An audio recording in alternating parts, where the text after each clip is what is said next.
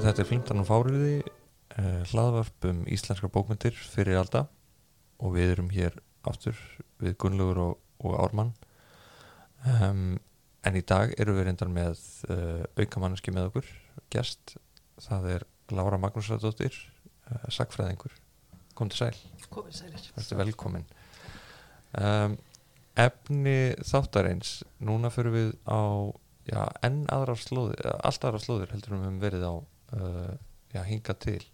Höfum verið mikið svona í þessum já, svona klassísku uh, bókmyndum fyrir alltaf. Myndir ekki segja það, Orman? Ég bara fortsugum að eins og tægi, það er byrjuðum á Íslandikasögunum og svo hefur við aðeins dreigið inn konungasögur og riddarasögur og, Mhm. og, og hitt og þetta en þar Þetta- með er sögun ekki lókið. Nei, nei, þetta er svona það sem við verið að tala um er í, í hérna alþýðu útgáfum Guðna Jónssonar, fólk geti lesið þær allar og þá er það búið að kynast svona þessum Já.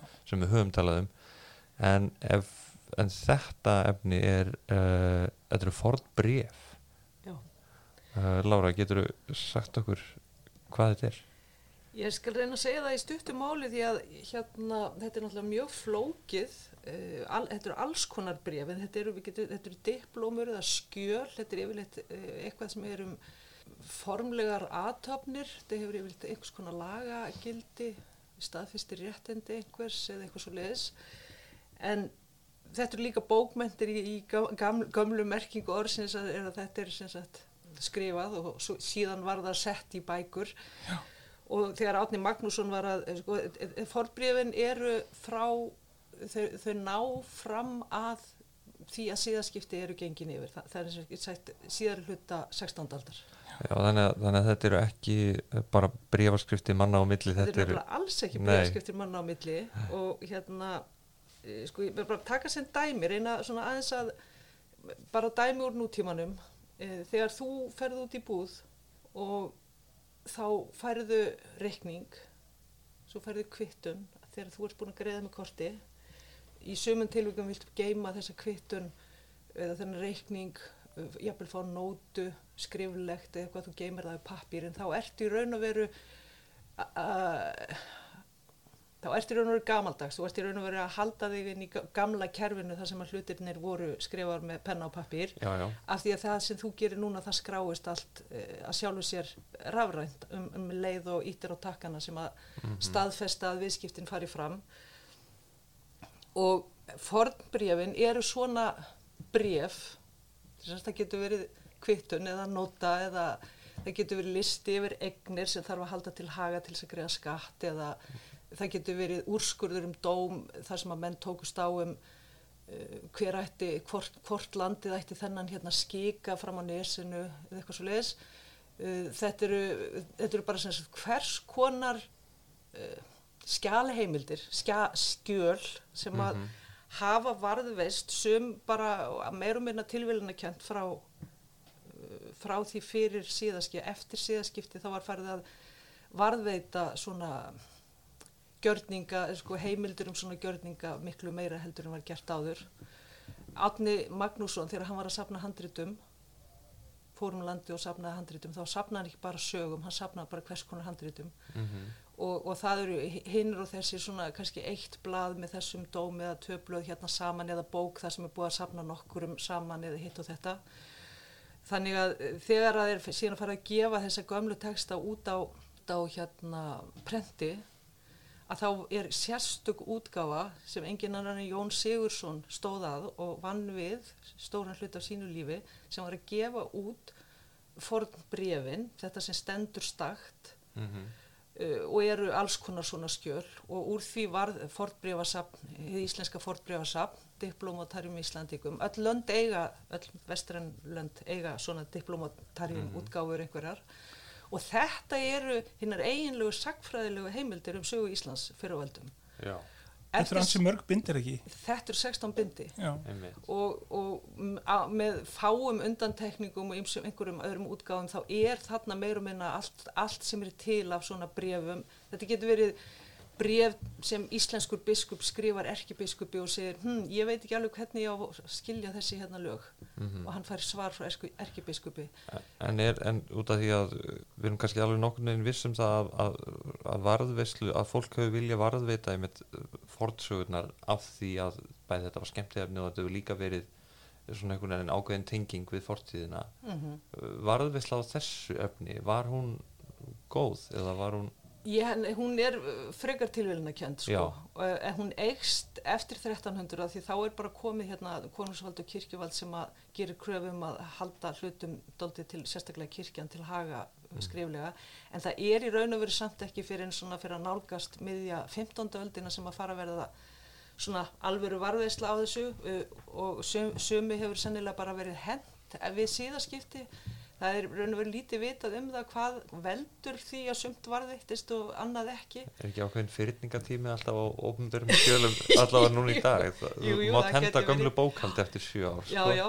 Þetta var þótt mikilvæg skjöl flestira sem hafa þau varðveist. sem hafa varðvist hafa verið ábyggilega flest mikilvæg og hafa haft eitthvað gildi og í sumun tilvikum er það kannski, hefur það kannski gildi bara fyrir uh, fólkið sem að eins og bara þann sem átti þennan jörð að staðfesta að þetta væri til þarna það sem að segjum til dæmis maður er barnfærður og, eða bannsettur eða sko með eitthvað svona og svo fær hann aflausnina skri, skriflega þá er það mikilvægt fyrir hann og afkomundur hans að það gangi ekki bara sagan um að hann hafi verið bannfærður Já, heldur er semst mjög mikilvægt að þessi, þessi heimild um að hann hafi verið afleistur sé til því annars eru til dæmis börnin hans óskilgetin Já. og allir ættingjar eiga þá kannski löngu setna ekki kröfu á einhverju eða, og þessi skjöl eru alltaf alveg eins og þegar að þú ferð út á kaffihús og kaupir kaffi þá er þessi skráning á aðtöfninni sem fór í raun og veru fram hún er alltaf til þess að tryggja réttindi einhvers.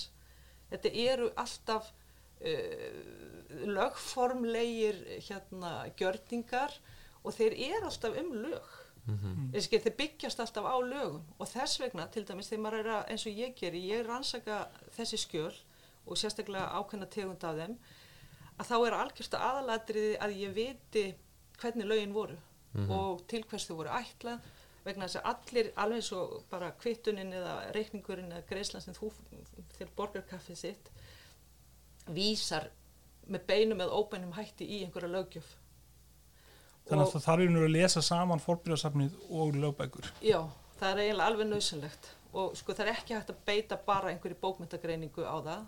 Nei, þótt að það geti alveg sko þetta bara, en þetta snýst samt eins og önnur bókmyndagreiningu mikið um að skilja tungumálið. Já, og samhengið. og samhengið. Það er aldrei sögð einhver eða sjaldan sögð einhverju ein saga að því þú veist það er dómur hér og dómur þar og eitthvað en það er stundum hægt að raða þessu saman og átt að sjá því hvernig það tengist og fá út langar sögur. Jón Og- Sigursson er með svolítið langar svona skýringagreinar er ekki. Jú, það eru, jú, það eru skýringagreinar og í raun og veru, þetta er allt saman sett fram í forbriðásafninu í, og allir útgefundur, því að verða, þetta var svo Já. lengi sem var að gefa þetta út að það eru fleiri útgefundur en hann, að þá er, er þessi þetta sett í, í hérna bara, eh, hvað heitir það, tímaröð? Já, og sem er mjög gott en þeir, þeir skera alltaf líka tilraun til þess að skýra hvers konar bréf þetta er, þeir gefa því alltaf sjálfur titil mm. og, og þeir eru voru náttúrulega alveg ótrúlega vel að sér þessum menn og hafðu mikla yfir sín en þetta, er, þetta hefur orðið að mínum að þetta er mjög vanrækt vanræktur heimildaflokkur Mm. Eins og ég segi þetta eru einar eiginlegu sögulega, hei, sögulegu heimildir um það, þetta er alltaf um eitthvað sem gerðist í alvörinu ef þú selur íbúð þá gerður það einhvern veginn í alvörinu og þú skrifar undir það sko. En, en þetta er hérna, er þetta ekki líka einu af ástæðunum? Jón náttúrulega, fólk tengir hann meira við stjórnmál og annað en fólk náttúrulega áttar sig ekki á allir hans svona fílológísku hérna arfleið já, já, en, en hann náttúrulega hérna notar þessi, þessi bref til að hérna sína fram á já, hann er einmitt lögleg réttindi Já. Íslands eh, danska konunginum nákvæmlega, tekur hérna fyrir gamla sáttmála sem síðan sagfræðingar hafa komist að það er já, Já, það hafa verið kenningar um Já. það að hann hafi verið eiginlega sko, tilbúningur á, á, á, á 15. öld en eh, sko er, þetta er mjög flókið sag og það í raun og veru eh, afsannar ekkert um hva, þótt að það er því sannað að þá Nei. afsannar það ekkert um það að Íslendingar hefur gengist Norris konungi á hönd á, á þessum tíma sem Íslendingar gerðu sko. En uh, Jón er ekkit bara, Jón var ekki einfaldur maður.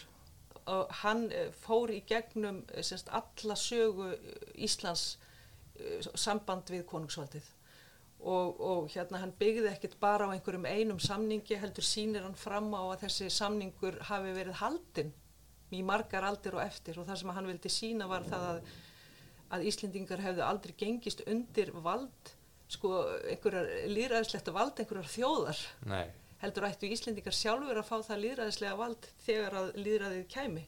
Mm. heldur hefðu Íslendingar gert samning við konungin Mm. og, og, og þessar, þessar heimildir sem hann notaði eins og ég segi eru, eru og, og gaf út eru hinnar eiginlegu sagfræðilegu heimildir um sögu Íslands og þær, þær hérna vo- það var í tísku að nota þessar heimildir mjög mikið lengi fram eftir 20. öldinni sko og það hefur verið minna síðar bara það, það hefur verið aðrar áherslur og aðrar tískur í sagfræðinni En það er fre- frekar lítið um að fólks lesi saman brefin og, og sögurnar þó þetta sérunur frá sama tíma Já, ég held að það geti verið að hluta til vegna þess að sko, sögurnar eru, sko, ég geri mjög mik mikið úr þeim skilum sem urðu þegar konungsvald og kirkjuvald komu til landsins Já, sem er að, hérna, undir lok 13. aldar eða á setni hluti 13. aldar. Þarna verða bara mikil skil í allri bæði heimildamyndun og, og því hvernig það, hvað heimildirnar er að segja. Það eru önnur lög, annað stjórnkerfi uh, og það er verið að gera alla hluti á öðruvísi. Uh, bækurnar, nei, hérna, sögurnar, það er fjall allar um tíman fyrir þær eru allar skrifaðar á þessu breytingatími eða eftir það, Já. eftir því sem að mér skilst, áramann, er það rétt? Jú, jú, jú, En það er fjalla um tíman sem við kvöldum þjóðveldisöld sem er fyrir þennan tíma. E, það sem gerist þarna bre- breytingarnar sem verða á pólitíkinu og öllu stjórnkerfinu og, og um leið heimildamynduninni því að hún, heimildirnar verða til eins og ég sagði í samhengi við lögin að þá hérna kemur hvað heitir það það er sem sagt nýjung sem tegir sig fram í tíman en ekki aftur í tíman mm. Þannig ég er til dæmis miðaldafræðingur sem að rannsaka uh, sagt, frá 1300 til uh, 1874 en ég er ekki miðaldafræðingur sem að rannsaka sko frá 1300 og aftur í upprunna vikingana Nei.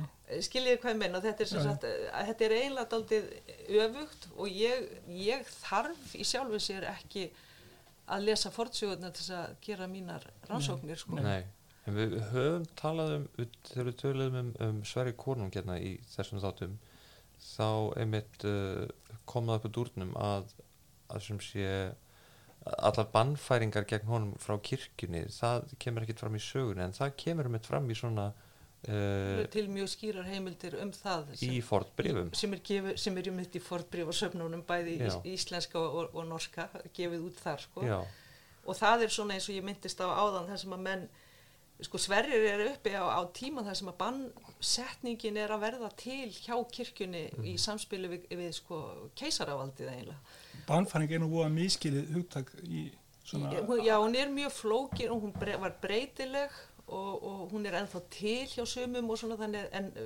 sem sagt miðalda bannfæringin eins og hún varð það sem er mest talað um hana hún verður í raun og verið til á síðar hluta 12. aldar og, og er síðan með einhverjum hætti að hluta til feldnið við síðaskipti en þó alls ekki alveg sko ekki fyrir, ekki fyrir setni hluta eh, hérna átjánda aldar á Íslandi. En Sverrir hann er þarna, það er verið að beita á hann bannfæringu sem er orðin til hjá kirkjunni, henni alþjóðlegu stopnun kirkjunni, en það er ekki búið að samþykja hana í lög í Nóri og þá er spurningin, getur erkibiskupin beitt þessu laga úrræði á mann mm þegar það er ekki búið að samþykja það, getur hún beitt því á konung, getur hún beitt í sko, er þetta rétt eins og hún er að gera? Þannig að það er verið að skrifast á um þetta og þetta eru sko þetta eru bara mikilvæg skjöl í, í sögu kirkjusögu, í, í réttarsögu kirkjunar því þarna er verið að svara erkibiskupi, jú þú átt að gera það svona og þá er þetta svona og þannig þetta eru samræður sem að ég get alveg skilið að sá sem skrifaði Sverrisögu að hafi ekki haft sérstakann áhuga á að Nei, Ég fyrir utan að bara að það er bara reynd að láta eins og Sverrir og Páin hafa alltaf verið bara nokkuð góðir saman.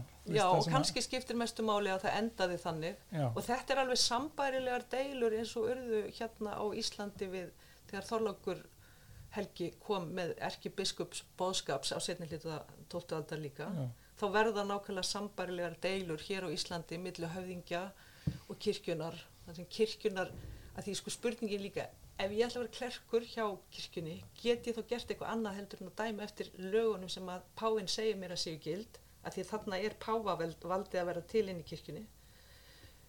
En en, en lögin heima fyrir er ekkert búin að gera ráð fyrir þessari breytingu og sé að það stendur hvergi okkar lögum að, að, að þér sé heimilt, kæri biskup, að bannfæra mig. nei, einmitt. Forfeður mínir sögðu annað og okkur ætti ég eitthvað að fara að hlusta á eitthvað nýtt, sko. Þannig að þetta er á tímum hana sem eru kannski tvö lög í, í landinu raun og veru. Já, það er þetta er- tvær svona jafn sterkar stofnanir. Já, já, þetta eru átaka tímar, er sterkari og hvort að kirkjan hafði þessa stöðu og eitthvað. Hún Er, þessi staða kirkjunar er í raun og veru staðfest 100 árum setna. já, 1275 eiginlega gerist það á Íslandi þegar Kristi réttur átnaðar settur. Fyrir utan þetta að deilirna snúa svolítið um bara andlegt og verallegt vald. Já, og hvernig því skulu Já. háttað fyrir komið í stjórnskipuninni, sko, Já. hvernig þau hafið þá afstöðu á, milli og hvað þau megi gera, máttu dæma og hvað gildi hefur dómurinn og, og svo framvegis. Þetta er svolítið kannski fjarlæg hugsun fyrir okkar tíma, að því að hjá okkur er bara ein lög fyrir alla og, og það er ekkert annað, þú veist, en, en, en á þessum tíma er einu tvöfalt er, lagakerfi. já, en það er ekki komið á þarna, því, því það gerist ekki fyrir ná á 13. öldinni. Þarna Já. er einmitt verið að takast á um það að kirkjan ætlar að vera að halda sínu fram Já. á þess að það sé búið að gera ráð En fyrir í hu- lögunum. hugmyndin er komin fram. Sko. Hugmyndin, já, er að, er að mótast og er komin fram sko á kirkithínkonum út í útlöndum. En, en þarna er, þessi fornbref er mjög tilvíljana, það er mjög tilvíljana kent hvað varðveitist á svona gömlum tíma sko. Og það eru einmitt svona mikilvæg hlutir eins og erkibiskup og, og e- einhverju svona stórir, Af því að þetta hafði mikið vægi fyrir, og afleðingar fyrir það sem síðan gerðist. já, Þá hefur þetta verið varðveitt. Já. já. Það var ekki verið að varvita eh, hvað kom fyrir ykkur á kotbændur þarna á þessum tíma. Já, sko, það skipti eiginlega líka máli vegna þess að, sko, að því svo þegar maður fyrir að lesa sögurnar í samhengi við þetta, sem bæði, segjum bara bæði átnasögu og líka þorláksögu, Já.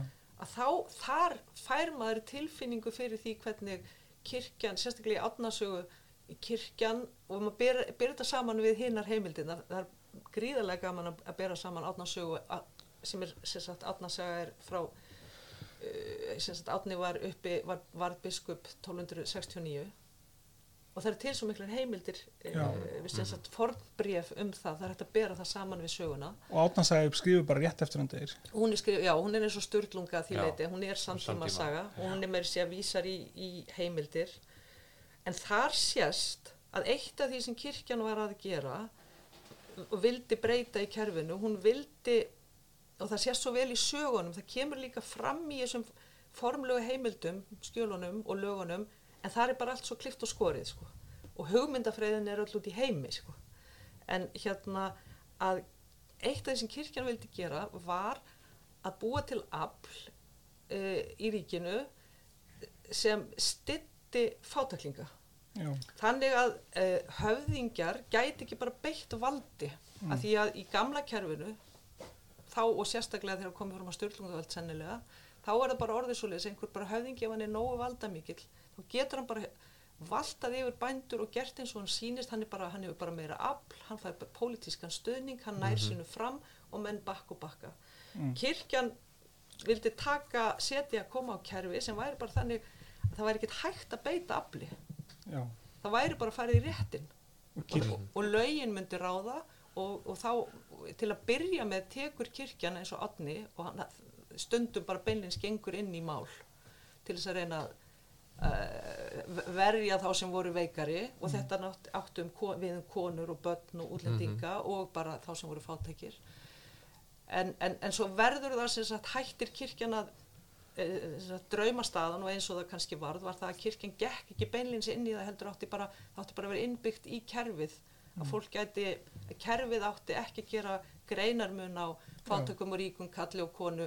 Og hjónabönd al almennings eru jafn gild og hjónabönd fína fólksins. já, Þið voru einmitt með dæmi hérna í einum að senustu þáttunum hjá Þórdísi þar sem bara konungurinn kemur í heimsókn einhvern bæ og þá leggst hann bara hjá einhverju konu og bara hann á rétt til allra kvenna því hann er konungurinn mm. já, já, já. en þetta er náttúrulega algjörlega andstætt því sem kirkjan er að reyna já, já, já, já. að predika og ég, ég held að þetta er eitt af því sem að er stundum haldið fram um í Íslandsöguna en, en sko dæmi um svona er ekki að við finna neinstar að það sé einhver heimildir fyrir því að, en það var náttúrulega ekki kongur hér fyrir en að það er búið að stoppa Nei. svona hluti, já og líka er, eru sögurnar að lýsa hérna fjallar í fortíð og, fjarlæri og ofta já, gefa til kynna að eitthvað hafi Já. leift þá sem kannski var ekkit leift það getur við líka verið getum já, ekki já, verið alveg vissum það já, já. Já. En þannig að þetta er sko samanburður við sögurnar, sko ég meina sögurnar augljóslega bæta rosalega miklu við forbrifi. En svo bara á tímanum eftir 1300 þegar flest forbrifur til og 1500 og 1600 þá er náttúrulega bara er engar sögur þannig sé þá, þá er bara, þá er bara að leita í einhverjar aðrar heimildir að reyna að finna samhengi til að bæta einhverju við og svona. en er En þá eru líka til fleiri, Já. eh, þá eru líka til fleiri heimildir um hvert mál og, já, og, og það varðveitist alltaf meira og meira. Og eftir síðaskipti sko þá er til dæmis bara eins og löggjöfin hún fer bara það er bara gefnar út ég, ef ég tala í útgáfum eins og sko sá sem að vera rannsækjað þá fer bara í, í lofsamling fór Ísland það er bara allar, all, allar lagabreitingar og svo eru alþingisbækur Íslands, þar eru allir dómarnir og svo framvegis og svo smá saman við að fara að vera til síslumannabækur og hitt og þetta Já. og, og, og það til maður er komin út í það sem er nú, nú orðið er að gagnaframleiðsla er orðin svo Mikil. óskaplega að það sér enginn fram úr því eiginlega. Nei, nei. En eh, sko í þessum fórbrifum hefur fólk reykist á eh, falsanir. Já, það eru Já. falsanir, auðvitað, Já. það eru falsanir og það, það þarf alltaf að, að velta fyrir sér hvernig brefið er tilkomið og hversu líklegt það er að það sé það sem það segist vera og svo og framvegis og drúgur er, hlutir eru þetta afritir ekki af gamla að jú, jú, þá, og það er allt til í sum, sumtir til í, í, í frumritum og, en ég meina það er bara eins og með alla, alla stúdíu þetta liggur, það liggur allt þetta á bak og þetta er mikil sam, sko, sagfræðingarinn að reyða sig þarna rosalega mikið á, á, hérna, textafræðingarna og útgáðunar og, og svo framvegis þannig að þetta er náttúrulega, það er líka bara held, heljarinnar kerfi sem þarf að ganga upp til þess að sé eitthvað vit í þessu. Já. eitt sem, eitt sem ég langar til að tala um það er þegar hérna, ég er svo gammal að ég las íslensku Jónas og Hriblu Mm. Og þá var alltaf að tala um þessar hluti eins og bannfæringu eins og bara biskupin hefði bara skyndilega ákveða bannfæringu. En, en svo þegar maður lesa þessi þú skrifar þá sér maður að í raun og veru er bannfæringir komin. Það, það sem biskupin gerir er bara lýsinni, það sem hann- hefur fallið í bann maðurinn Já. af því sem hann gerði. Já, en það stendur sko í gömlum uh, bókum að, að biskupinar hafi bannfært út í bláin, það stendur, Já. stundum svoleiðis beinlinis en og það er ekki ég sem finn það upp, það eru er, erlendi fræðmenn sem hafa sínt fram á það hvernig bannfæringin sko þróast í það að vera, vera á orðin á 12. öldalver mjög formlegt, eh, lögformlegt atriði. Og ég hef verið að reyna að skilja hvernig það gerist á Íslandi og hvað orðin þýða og svo framvegis. En í, það er rétt hjá að í stóru hluta þá er það þetta menn bannfærast af verkum sínum. Mm og, og hérna og síðan eiga þeir sem sagt uh, alltaf tök á því að yðrast og fá aflaust, að skrifta og, og þeim, eru, eru, þeim eru sendar sko aðvaranir, áminningar og það þarf að vera ein, tvær, þrjár og svo fá þeir afturleifi til þess að og þetta þarf að gerast á, á, á okkur ákveðnum tíma og svo svo oft og svo er sko efsta stíð er bannsetning mm. Og ég verið að vinna því undanfærin ára að reyna að eh, sk- skilja sko hverju munun á hvað gerist við bannsetningu. Og það, þá er maður sko þá er þetta komið út í það að það er allt annað að vera bann, í banni og vera bannfærður heldur en að vera bannsettur. Ah. bannsettur maður eh, var í raun og veru bara útlægur og réttlaus. Já, en hann var ekki tekinn að lífi. Nei. Og það skulle ég tala um við mig setna